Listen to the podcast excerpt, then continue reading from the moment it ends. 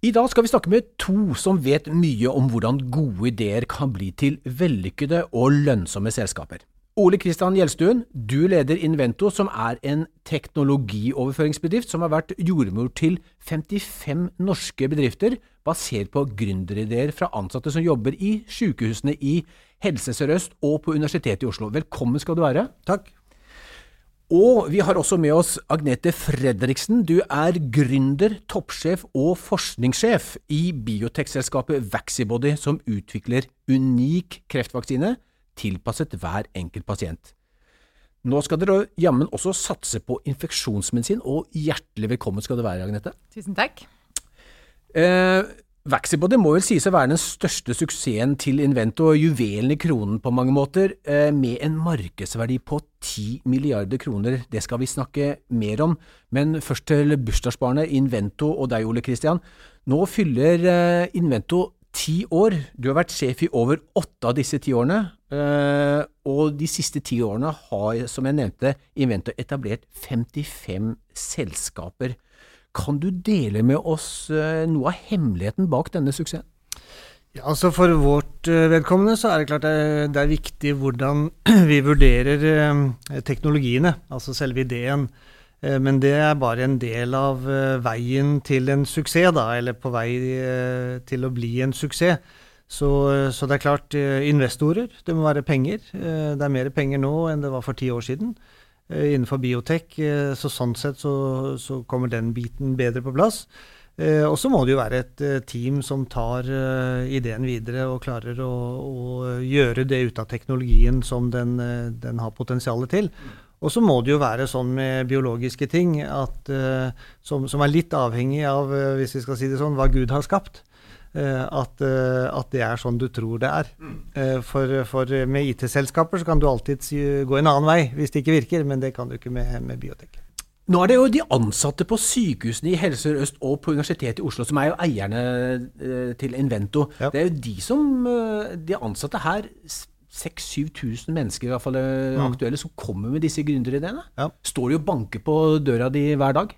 Ja, altså det er en eh, det, det, går gradvis oppover når det gjelder antall ideer, men ikke dramatisk. Mm. Det vil jeg si sånn at det er nok en andel av de, de ansatte som har noe med seg. Mm. En, en, litt annen nysgjerrighet eller en, en, annen drive, eller tilfeldigvis kommer borti det. Mm. Eh, så, og den, eh, den, mengden er ikke dramatisk økende, men det skjer mye nå. Mm. Du hadde åpenbart den driven som Ole Kristian er inne på. Hva er det som fikk deg til å tenke at uh, nå har jeg lyst til å, å bli gründer?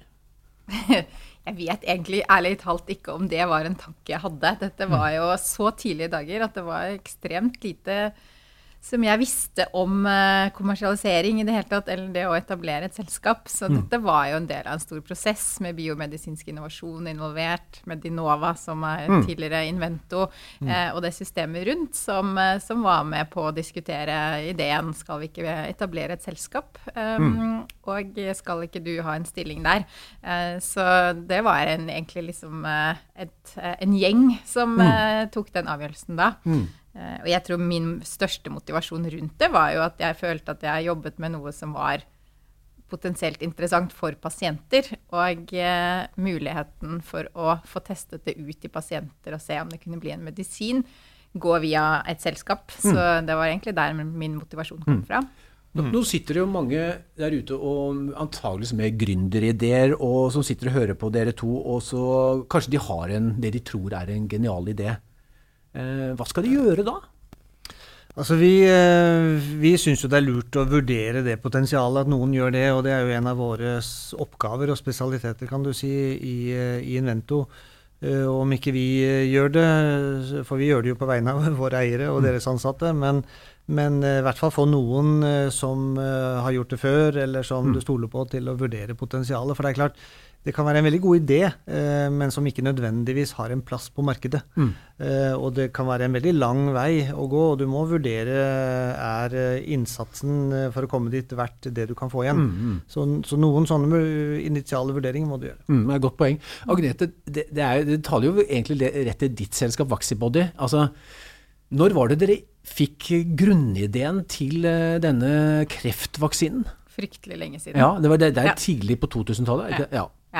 Så det var jo da jeg begynte på min doktorgrad, var i januar 2002. Ja. Eh, og da lå det en skisse på bordet der med det som vi nå lever av Mm. eh, allerede. Så det var jo langt fra den til å at det kunne materialisere seg ned til noe som, som fungerte, og som, og som kan ha en plass på markedet. Da. Mm. Eh, så det er en lang, lang reise derfra. Mm. Eh, Det, det er ingen eh, hundremeter vi snakker om her. Her er det maraton eh, på maraton, og så litt ekstra etter det. Ja. ja. Så, så hva er det som, som Og du har jo vært sjef i 13 år av, av dette, det er jo ikke dårlig. Og så må vi bare få sagt at det er jo ikke bare deg som har, er medoppfinneren, eller oppfinneren. Du har jo med deg Inger Sandli og Bjarne Bogen annet. Og nå er dere et selskap på over 30-35-36 mennesker. Jeg tror jeg er 42, jeg. Er det det? Ja, Ja, men jeg mister tallet hver dag. Ja, ja ikke sant? Så, så, men hva var nøkkelen til suksessen? Hvor var det, som, hvor var det takeoff kom for dere?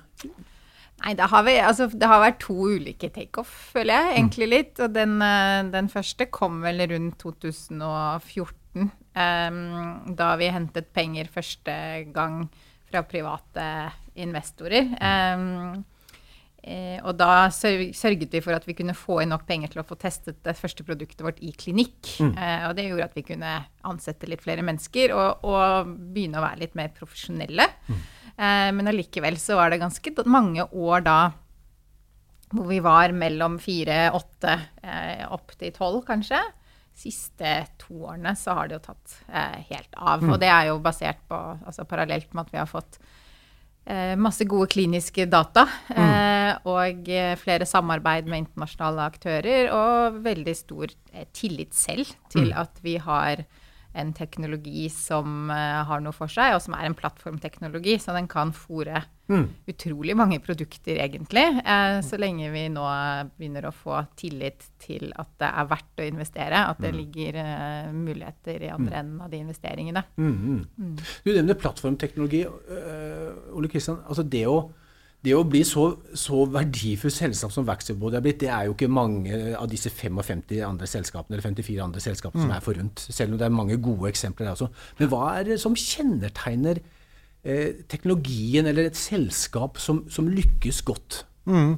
Altså Verdien i utgangspunktet er eh, Hvis det er en pl plattformteknologi, som i dette tilfellet, så aner du at det er eh, noe som er mye mer verdifullt enn en sånn uh, monoteknologi, Ja. som er ett produkt. da. Eh, så så det, er, eh, det er ett utgangspunkt. At, eh, men da er det ofte litt mer komplisert.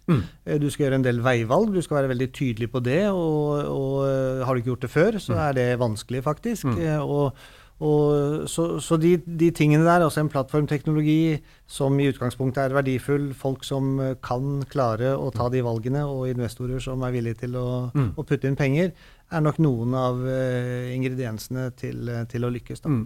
Og så skal du ha litt flaks, da. Ikke Du skal jo det. Er, som det heter i Jeg drev og klatra en del da jeg var yngre. Har, er du god, har du flaks. Ja. Er det noe som heter. Det er helt sant, det så det henger litt sammen. Men jeg skal, Vi skal komme litt inn på det, for- det er hardt, mye hardt arbeid og, Det er det. som er gjort, og mye hardt arbeid gjenstår antageligvis. Eh, men har du noen andre selskaper i porteføljen som, som, eh, som har en plattformteknologi som har et eh, internasjonalt potensial? Ja, du kan godt si at Ultimovax er et eh, selskap med, med en plattform. Det er, det er tre peptider i en vaksine foreløpig, men mm. det har jo et stort anvendelsespotensial på, på flere nivåer. Eh, så du kan si av de 55 selskapene vi har opprettet, så, så er det klart noen av de eh, vi, vi lener oss jo litt på det våre forgjengere gjorde, som Magnete sier, i, i Medinova og, og BMI. Mm. så, men, men totalt sett, av det vi har mellom hendene nå, så er eh, 20 av de er verdt mer enn 20 millioner kroner hver seg. Eh, og flere av de er verdt 500 millioner, eh, 1 milliard, 2 milliarder.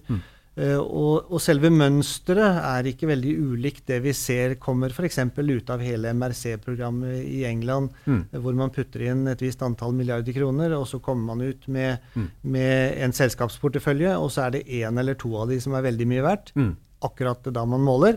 Og så eh, får man se hva fasiten blir til slutt. Men eh, vi har flere selskaper som eh, har potensial, ja. Mm.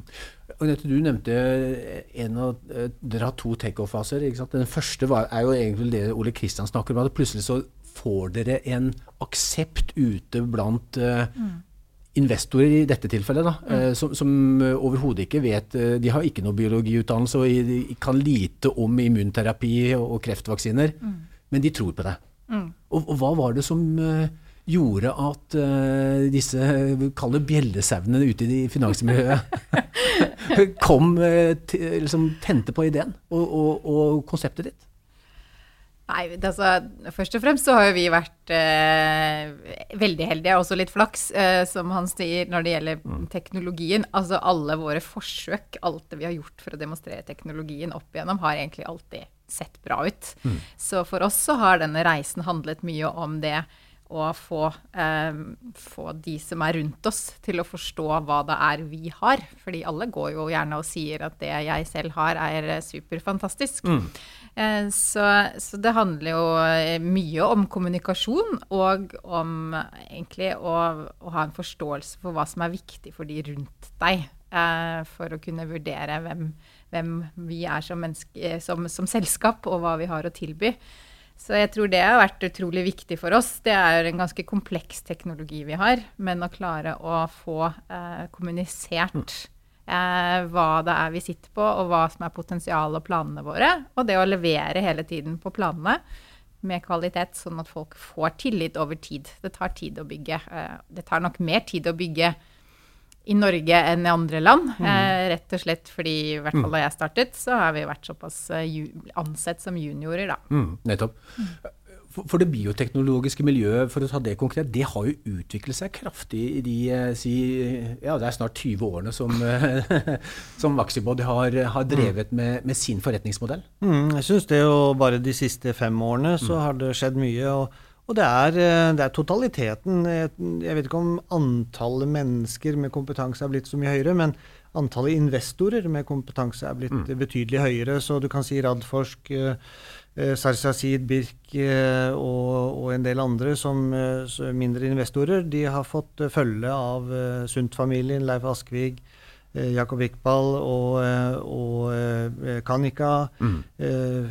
Gjelsten, som investerer, og som investerer i flere selskaper, og som erverver seg kunnskap, og på den måten er med og løfter feltet. Det, det tror jeg er en viktig sak. Mm. Pluss da, kanskje det aller, aller viktigste, og det er at det er en kulturendring i Norge. Som bl.a. kommer pga. Vaxibody og de selskapene som, som er underveis og som det går an å bygge på, og som det går an å knytte litt uh, vekst uh, til. Uh, og den kulturendringen i resten av, av, samfunnet mot mer entreprenørskap. Jeg tror mm. de, alt det er viktige faktorer. Ja, for Det har vel blitt mer stuerent å kalle kommersialisere forskning? Altså, er, er, ikke det sant? Eller, eller er det fremdeles mange barrierer? Ja, jeg vet ikke om jeg er riktig person til å, å snakke om det lenger. For nå, nå, vandrer jeg rundt i mitt eget miljø, og, og er jo utenom koronasituasjonen stort sett i utlandet. Mm. Eh, så jeg kjenner ikke på det nå i det hele tatt lenger, at det ikke er stuerent det vi holder på med. Mm. Eh, det gjør jeg ikke, men det, det var jo ikke stuerent. Jeg ble ikke ansett som stuerent. Mm.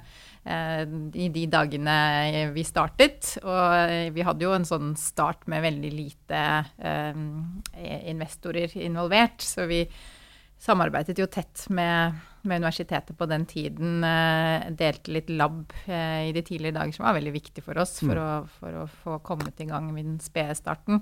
Men det var veldig mye ugleseing og mye spørsmål rundt om dette var riktig og ikke. Mm. Mm. Det vi kanskje ser som, uh, som forskjell, da, eh, det er at ledernivåene, altså egentlig både høyt oppe, både universitetet og helseforetakene, er veldig positive til entreprenørskap og innovasjon uh, nå. Og, og, en god del av mellomlederne. Og det er kanskje det beste målet per i dag, da. Mm.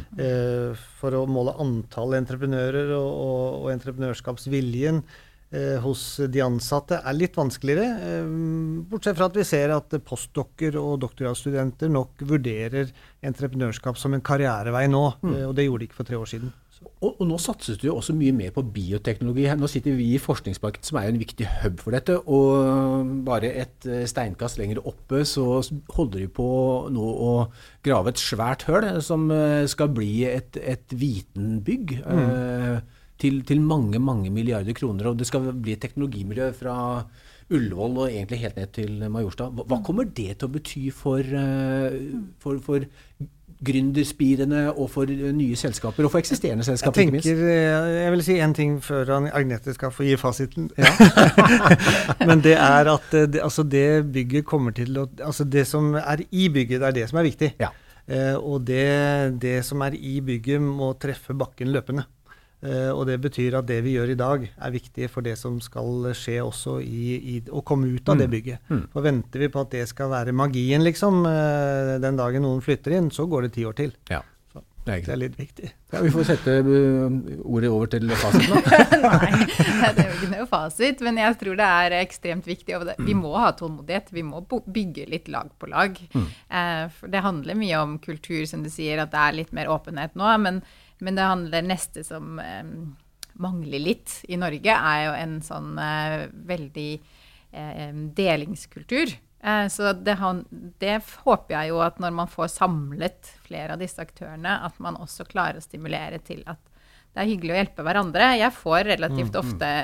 Egentlig, egentlig altfor sjelden telefoner fra noen som er eh, litt mer i oppstartsgruppen, og som lurer på hvordan har dere hentet penger, er det investeringsbanker, hvordan fungerer det med WC-er, hvordan, mm. hvordan, gjør man dette? Mm. Um, og har, jeg har jo ekstremt travelt, så det er ikke det at jeg har så mye mulighet for å bruke tid, men jeg syns at, uh, at der um, der kan vi bli utrolig mye bedre i Norge. Og stå med en kaffekopp og fortelle hverandre hvordan vi har gjort det. Hva er erfaringene våre med å jobbe med CRO-er og akademiske institusjoner og og, og ulike IP-konsulenter eller hva som helst. Eh, sånn at vi, eh, vi, sørger for at vi har det beste grunnlaget alle sammen. Da. Mm. Vi har alle hver vår teknologi, men det er utrolig mye vi kan dra mm. nytte av hverandre og hverandres erfaringer. Mm. Eh. Ja, det er jo interessant, for det, det, gjelder ikke Det er jo mange flinke folk i laben eh, over hele verden, eh, men du må jo også ha en annen intellektuell kapital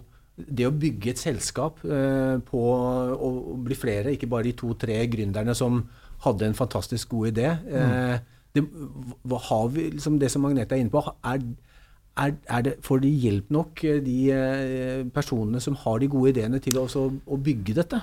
Altså det, det, Invento gjør i, når vi oppretter selskaper uh, fra vår side, det er at vi, um, vi, henter inn gründere som har gjort det før. Veldig ofte så vil uh, oppfinnerne gjerne bli i sin stilling der de er. Mm. Selv om vi merker at det er en, en, viss glidning der, og jeg tenker at om tre år så har det endret seg betydelig igjen. Men, men så, så, det å få inn et kompetent team må ikke være oppfinneren selv, da. Mm. Uh, men i den grad en, en, oppfinner går inn og er den samme gründeren, eller sånn som i Agnetes tilfelle, eh, tar en veldig viktig rolle, så, så, er det klart at man må ha noen rundt seg. Og disse inkubatorene som er satt opp, OCC-inkubatoren, mm. Erlip her, andre inkubatorer er veldig viktig for kaffekopp, uh, uh, de kaffekopprådene. Da. Mm. Som, men det er, det er altfor lite. Mm. I Norge er det, det, er det som kanskje er den største skala mm. skaleringsproblematikken akkurat nå. Det, er, det, er, nok ikke for få ideer. Det er for få folk, rett og slett. Nettopp, og da vet vi ikke helt hvilke folk vi skal hente fra utlandet heller. Så du kan det er ikke alle danske snekkere, eller dansker som snakker dansk, som er snekkere. Nei, det, det, som vi husker, vi som er gamle nok, men uh, ja. Vi er veldig fornøyd med våre dansker. ja, det er veldig bra. Jeg er halvt dansk, så det kan jeg bare slå et slag for. Men Agnete, det er vel litt av også måten dere har jobbet på, å knytte til dere kompetanse der den er best. Og det er selvfølgelig ikke alltid i Norge. Eh, er, sånn er det heller ikke innenfor andre store næringer. Mm. Eh, hvor, hvor er det dere har gått, og hvordan jobber dere eh, på denne måten? Nei, Vi har gått mye til Danmark, da. Ja. Eh, for å hente direkte altså ja. ansatte. Så har vi gått mye til Danmark. Eh, det har vi, og de er jo ekstremt mye større enn oss, industrien der. Og de har jo store selskaper som mm. Nordisk og mm. Så, så, der er det en helt, annen, eh, en helt, annen, base med folk som har vært gjennom også senstadier mm. eh, av utviklingen før. Og det er egentlig forskjellig eh, håndverk å være helt stilig, tidlig startup, eh, som du sier. Ha en mm. plattformteknologi, finne ut hvor du skal gå kontra det å ta, ta, produkter som er i fase to til markedet, eller uh, via partnerskap og, mm. og den, uh, den, prosessen der. Så vi har jo uh, de siste årene har vi vært veldig bevisste på det, å hente inn folk med tidligere erfaring. Det gjør det utrolig mye eh, mer effektivt. Mm. Og jeg, eh, sånn sett i ettertid så ønsker jeg jo at, at også vi vokser på det, at vi hadde gjort det mye tidligere. Det koster det, de, kanskje de koster litt mer i lønnen sin, de som har hatt en suksess bak seg. Eh, men det er så mye mer effektivt at jeg er en sterk forkjemper for at man tjener inn den lønnen eh, relativt fort, og kan heller skrinlegge selskaper istedenfor å gi sånn, sånn små, småfunding for å, å gå og sulle rundt eh, og ikke helt vite veien. Så er det bedre å satse litt mer litt tidlig med noen som har gjort det før, og som vet akkurat hva man skal gjøre på neste skritt. D- Dere har jo også samarbeidet mye med et stort uh, sveitserselskap som heter Roche. Eh, når, når dere kjører disse kliniske fase 1-studiene deres, eh, så, ha, så, så få, bruker dere da en av immunterapiene deres, altså den uh, acetylosumab, altså Tecentric. Ja. Eh, kan du fortelle hvordan dere klarte dere å, å, få døra opp i dette, det andre fjellandet i Europa? Nei, altså For det første så er det utrolig viktig, og for det andre så er det av og til litt skremmende hvor mange timer man bruker på å eh, få til disse partnerskapene før man lander et som er offisielt. Um, og eh, Så man møtes jo Det er mange sånne arenaer eh, som heter partnerskapskonferanser, nærmest, eh, hvor hele industrien samles. Og det kan være alt fra store legemiddelfirmaer, biotek eh, og de som er service providers, og investorer som er da i samme by på samme sted i en periode. Og så setter man opp møter og snakker med hverandre. Men som, som jeg også var inne på i stad, dette tar tid, og spesielt når du er et norsk selskap, så kan du si så mye du vil om at du har en god teknologi, men man må ha tålmodighet og vise og etablere et uh, personlig forhold, nærmest, Uh, og vise over tid at man gjør uh, som man har planer om, og klarer å levere, så de får tillit til, til selskapet. Ofte tar de også inn teknologien til seg og tester den i sine egne hender, om de er like imponert over dette som man er selv. Um, og, så, og så blir det jo til slutt da, ulike former. Det er veldig mange ulike former for partnerskap, både i forhold til hvor mye penger som er involvert, og hvor mye involvering eh, det er eh, mellom selskapene. Så mye av verdien her er jo eh, å få direkte tilgang til eh, kompetente team eh, som sitter og ser på og lager protokoller og kliniske studier osv. sammen med oss, og som ser på teknologien vår. Og vi lærer enormt mye av det. Så det er mye mer eh, Det er mye større verdi å få til disse samarbeidene som vi har eh, nå med Roche og med med Nectar Therapeutics um, enn eh, enn kanskje hva det ser ut som utenfra, hvis man tror at man bare bruker et drug. Det er, det er forskjellig, da. For det er jo også noen ganger at man, at man bare får tilgang til noe uten å få tilgang til så mye intellektuell kapital. Ikke sant? Og det, det er jo selvfølgelig opp til hvor flinke dere er til å bygge relasjoner. Eh, Ole Kristian, eh, Agnete er inne på kliniske studier. Det er jo selvfølgelig nøkkelen for å lykkes eh, etter at man har gjort en god labjobb. Så, så må man Ja. jo begynne å teste. Ja, Fase én 1 og 2, og når man kommer over det, så er det jo det store kliniske studiet på fase 3 som, som, som eh, er ekstremt dyre og, og krevende. Hva, hva gjør eh, dere i Vento for å legge til rette for eh, flere kliniske studier? Ja, vi, eh, vi har eh, pågående altså, eh, ganske mange aksjoner for å samle sykehusene og samle utprøver og nyutprøver, ikke minst. For vi er litt bekymret for at det er et generasjonsskifte av de som faktisk hadde en god del kliniske studier gående, og som hadde interesse for det og ekspertisen til det. Men, og, og hvor legemiddelselskapene tidligere lærte opp de som skulle gjøre det, eh, mens med nye regler og en litt annen kultur, så, så, så har på en måte ikke det offentlige tatt eh, den rollen. Så vi, eh, vi forsøker det. Mm. Å bringe de sammen. eh, Noe opplæringsprogrammer, noe kursing eh, og kompetanseheving. Eh, Men ellers så er det eh, Og så effektiviserer vi prosessen, sånn at vi skal være konkurransedyktige i Europa og USA i forhold til eh, tid til oppstart. Det er det vi i Invento kan gjøre noe med. Mm. Fra studien meldes, og, og, og at det er en pålitelighet for de som internt i sine selskaper byr på studiene, til at ok, hvis vi, får den, eh, hvis vi legger den til Norge, så får jeg et svar innen så og så lang tid.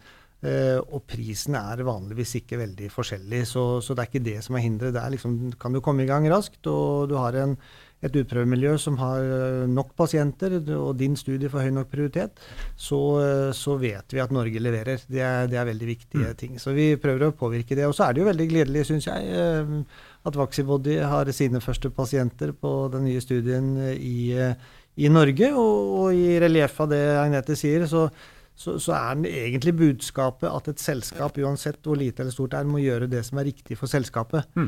Eh, og så får det være riktig for Norge. Ikke sant? Du kan ikke legge ting i Norge, altså kliniske studier, ja, fordi du har nærhet og det er mange andre fordeler eh, med det, og pålitelighet. Men eh, hvis det er riktig å legge produksjonen i Tyskland eller hente folk herfra og derfra, så, så må et selskap gjøre det som er riktig for selskapet med en gang man begynner å tenke politisk, så er man nok mm. på feil vei. Mm. Og, og Agnete, jeg spør deg, kanskje må ikke gi meg noe Du må gjerne gi meg børssensitiv informasjon, for det Det vil nok mange der ute synes er spennende. Men når er det eh, pasientene eh, i verden, og norske pasienter, tror du ville ha få tilgang til eh, legemidler, altså den eh, vaksinen, kreftvaksinen din? Nei, det er alt, det er altfor tidlig. Altså, jeg liker ikke de spørsmålene, egentlig. For det er så mye spekulasjon. Ja. Og det handler så mye om strategi videre, om man skal ta ett produkt til noen få pasienter veldig raskt fram, eller om man skal bygge bredt og dermed liksom mm. at det blir veldig stort når det først begynner å komme på markedet. Mm. Det er så mange faktorer som, eh, som, spiller inn. Og er det vi som skal ta det hele veien, eller er det noen andre som skal ta over på et uh, riktig tidspunkt? Uh, så, så, det er jo spekulasjoner og spekulasjoner. Man kan alltid liksom snakke mm med regulatoriske konsulenter som sier at hvis du satser kun på dette, og alt fortsetter å se superbra ut, så går det en to-tre år. Eh, så det er ikke sikkert at det er det som er den riktige strategien. Eh, så, så, så dette er jo liksom en, eh, mange faktorer som spiller inn mm. framover. Men vi, vi, prøver ikke å gjøre det saktere enn det som er lurt. Alle skal gjøre det så fort som mulig. Mm. Men, men, legevitenskap er jo heldigvis noe som skal ta tid, for det er jo legemidler som skal ha effekt, og iallfall ikke gjøre kreften verre. Så, så det er jo selvfølgelig viktig å ha gode kliniske studier. Men vi kommer inn inn på en siste ting, folkens. Eh, det er eh, det å Vi har snakket om eh, selvfølgelig å ha en god forretningsidé, og gode ting som skjer i, i laboratoriet, ha gode internasjonale partnere og samarbeidsselskap, og bygge kompetanse ute, ikke bare i Norge. Men så er det, det er mye hardt arbeid. Mm. Det er vel ikke til å komme forbi. at Det, det, det er ikke slik at uh, man bygger et selskap verdt flere milliarder, og hvis man har den ambisjonen, eh, at, at eh, da er det ni til fire. Agnete, du, du, det virker som du har noe på hjertet her.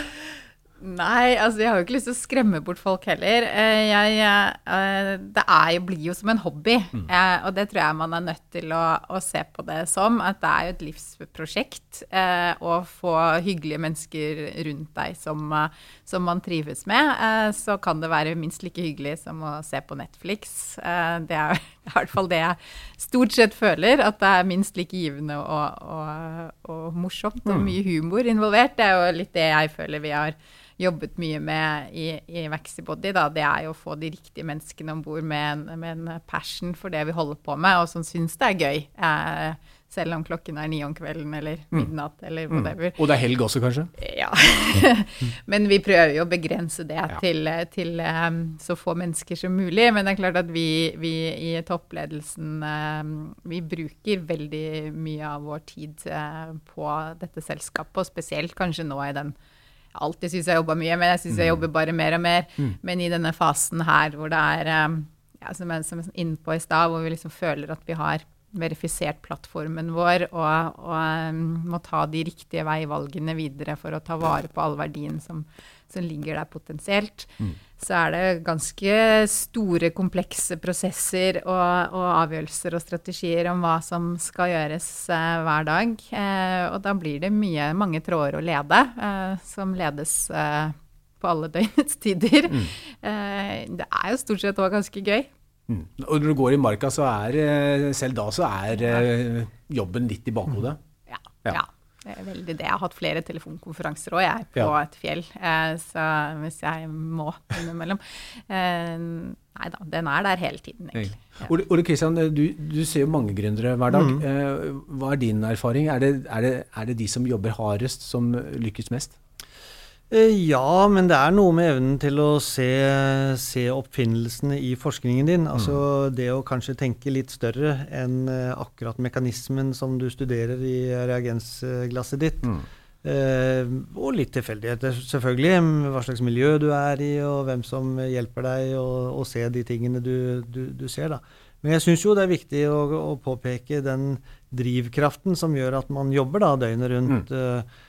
Eh, og som Magnete nevnte tidlig, det å se at forskningen kommer i bruk, det opplever vi er tilfellet for alle eh, mm. gründerne eh, og oppfinnerne i eh, institusjonene eh, våre. Og, og, det er det som er det viktige. Det er det som er drivkraften. Det er det som gjør at du, du gjerne sitter i helgene og jobber med det. Mm. Og enten man da er i forskningsfasen og brenner for den, for det opplever vi at veldig, veldig, veldig mange gjør, Eh, og er virkelig dedikert og dypt inne i den til alle døgnets tider. Eller det er eh, senere at du, du er på vei mot, mot et marked, da. Mm. Så er det drivkraften om å se at dette blir til noe. Mm, det, ja. det opplever vi. For, for, det er jo pasientene først. Det er, det er jo det der man kan ikke bare drives av det daglige dont, eller man tror man skal få mye penger et eller annet sted nedover gata. Det er jo pasientene og det å kunne gjøre en, en forskjell, er ikke det? Jo, jeg tror det ligger bak der hele tiden. Mm. Og det er jo en enorm liksom, ekstra drivkraft i forhold til mange andre bransjer. Mm. Eh, å vite at all innsats vi legger ned til slutt eh, er fordi at da kan pasienter få et bedre liv pga. det vi holder på med. Mm. Eh, og det, ligger, det er så mange utrolig mange oppgaver i det å å bygge et biotekselskap.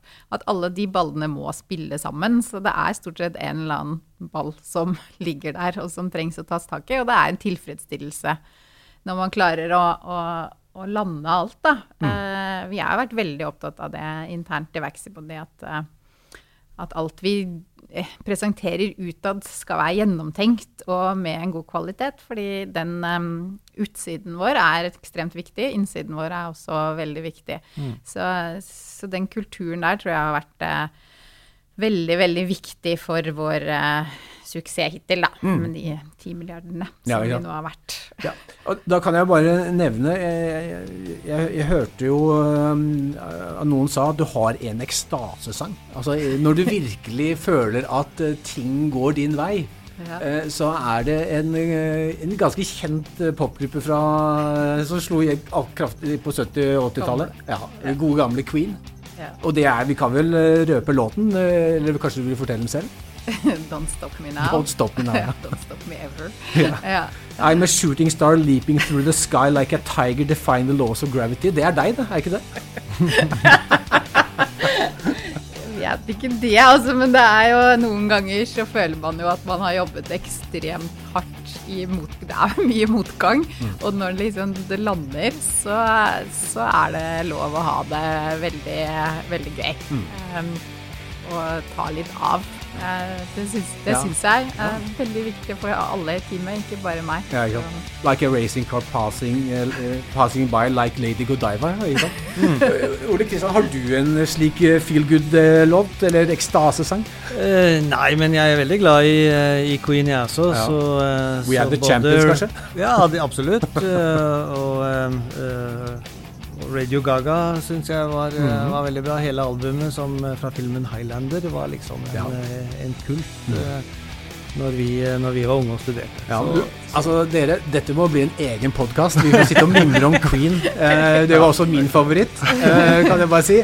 Eh, Ole Kristian Gjelstuen fra sjef i Invento og Agnete Fredriksen, sjef i Vaxibody. Hjertelig tusen takk for at dere ville komme til oss og dele masse spennende erfaringer og masse godt humør og mange gode gründerideer. Mm, takk skal du ha.